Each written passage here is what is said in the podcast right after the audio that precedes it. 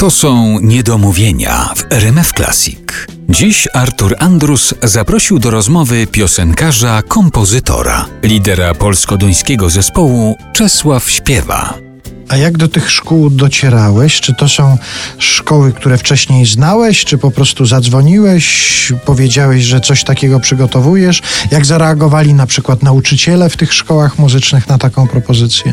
No, większość to są takie życiowe historie i przypadki. Sprowadziliśmy się tutaj na warszawskiej Pradze do nowego budownictwa i pierwszy raz spotykam, dzień dobry, nazywam się Czesław, na jakim instrumencie grasz? Ona stoi, Blanka, w wincie ze mną. Mówisz, że gra na saksofonie?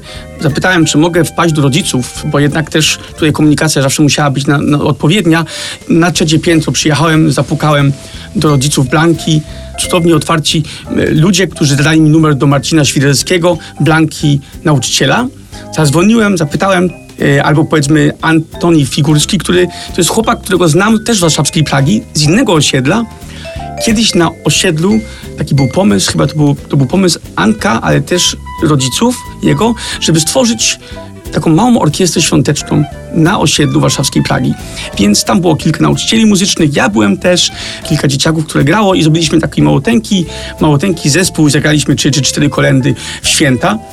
I tak poznałem Antka i, i rodziców. No 8 lat później Antek jest już dorosły, bo mam 15 lat, jest naprawdę już kawał chłopa, gra świetnie na skrzypcach, chodzi do, do szkoły muzycznej namiotowej i zadzwoniłem, zapytałem Antku, czy miałbyś ochotę, nie wiem, zebrać jakiś kwintet smyczkowy może i, i tak, tak to były takie zlepki troszeczkę. Albo ktoś mówi mi, że w Radzeniu Podlaskim jest świetna orkiestra akordeonowa. A znowu moja przyjaciółka Agnieszka Grela-Fetkowicz uczy, y, otworzyła klasę harf już wiele lat temu w Krakowie. Jak zadzwoniłem do Agnieszki, zapytałem, Agnieszko, mógłbym zrobić piosenkę z twoimi, swoimi uczniami? To no, Agnieszka powiedziała, tak, ale jest ich 13. Bierzemy całą. Więc jest jedna piosenka, a dzieci spać, gdzie jest 13 harf. I to robi ogromne wrażenie. No i co teraz będzie z tym e, przedsięwzięciem, z tym muzycznym kalendarzem adwentowym? Mam nadzieję, że ta płyta trafi, że komuś się spodoba, że, że ona będzie, będzie dostępna, ale też, że w internecie te piosenki zainspirują.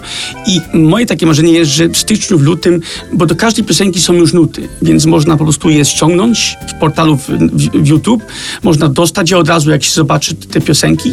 I mam taką nadzieję, że może niektóre szkoły muzyczne będą mieli ochotę albo domy kultury zrobić taki koncert świąteczny. I jestem przekonany, bo już niektóre mam zabukowane, czyli że po prostu na podstawie tych piosenek, a jest ich 24, zawsze się znajdzie jakiś skład, ktoś z szkoły muzycznej e, i mam taką nadzieję, że będę koncertował, że będę spotykał innych grajków w przyszłości w naszym kraju, będę przyjeżdżał do szkoły muzycznej na próby, a wieczorem będzie koncert.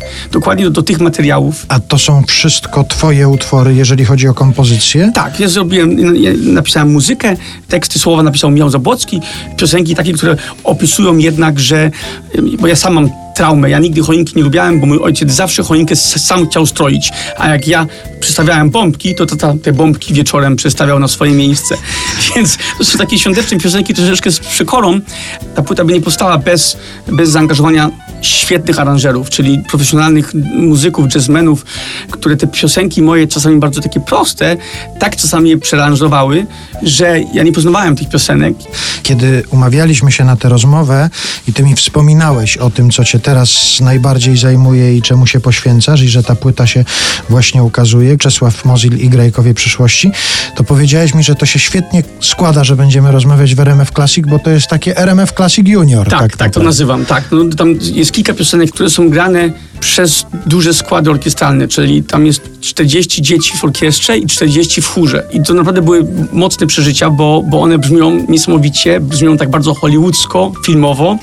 No my Państwu tylko fragmenty, takie sygnały dajemy, ale mam nadzieję, że jeśli się Państwo zainteresują tą płytą w wykonaniu artystów, no mówmy, RMF Classic Junior, czyli Czesław Mozil i Grajkowie przyszłości, no to może ta płyta będzie Państwu towarzyszyła w przygotowaniach do tych świąt i w czasie tych najbliższych świąt.